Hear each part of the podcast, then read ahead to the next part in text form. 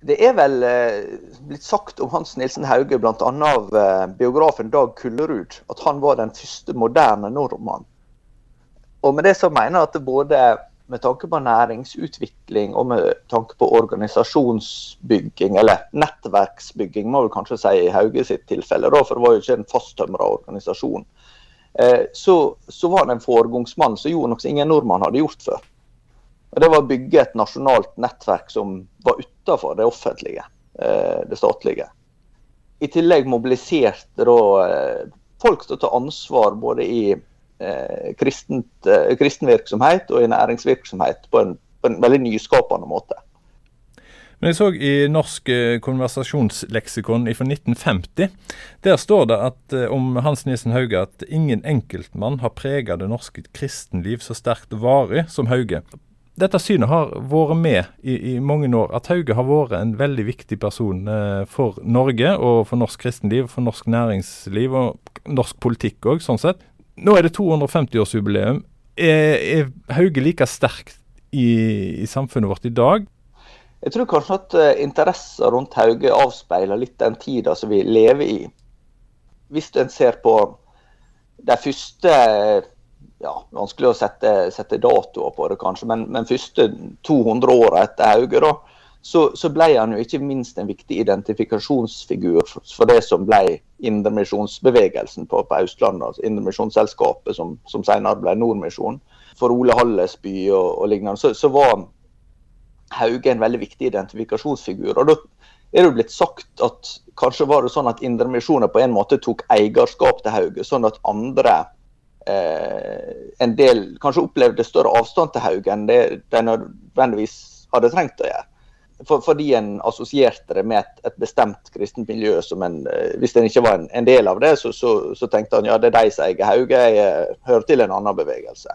Og så har nok vært en erkjennelse likevel blant historikere og sånt, at Hauge har vært, har vært viktig. Men, men, jeg tror kanskje at noe av det som vi har sett de siste tiåra, er en økt interesse for Hauge sin sin næringsvirksomhet og sitt demokratiske betydning. da. Ja, for nå er det mange flere som, som tar Hauge til sin inntekt, eh, hvis det er lov å si det på den måten. der, Og eh, det er mange flere eh, i samfunnet vårt, ikke bare Kristen-Norge, sånn som du forteller, altså, men, men eh, næringslivet også, som har, eh, bruker Hauge sine tanker eh, og, og fronter dem i dag. Er det altså noe nytt i forhold til tidligere år?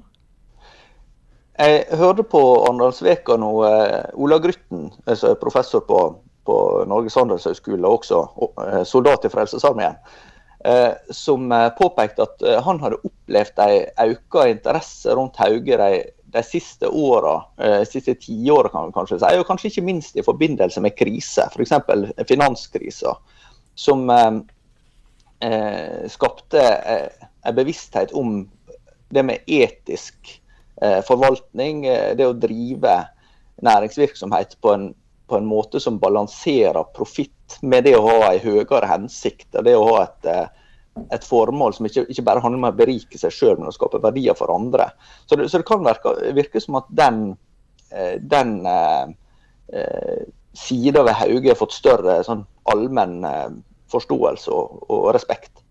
Som religionsutøver, Altså, han evangeliserte jo i, i, Norge på ei tid som eh, det var få folk i Norge, det var store avstander. Allikevel så greide han å, å få mennesker til å eh, følge haugianismen fra Tromsø i nord til, til Sørlandet. Eh, og han preger Norge. En sier at en ser det igjen i dag, men, men på hvilken måte kan en se igjen haugianismen eh, ja, 200, eh, over 200 år etterpå? Det er jo et uh, veldig godt spørsmål. For her vil det være som ellers i, i, i uh, det som vi snakker om næringsliv, at det, det, er jo mange som kan være frista til å ta, ta, patent på en person som, som uh, får en høy status senere. Det er jo noe en, en ser generelt med, med, historiske personer. Det en vel kan for det første bør være klar over, det at Hauge kommer ikke ut av intet. Han er jo et barn av Eh, den pietismen som, som vokste fram i Tyskland, særlig på, på 1700-tallet, og som også eh, fikk innpass i, i, i norske hoffet, eller dansk-norske hoffet som var på den tida i København. Og som resulterte i at vi, vi fikk eh, konfirmasjon og allmenn skolegang i Norge.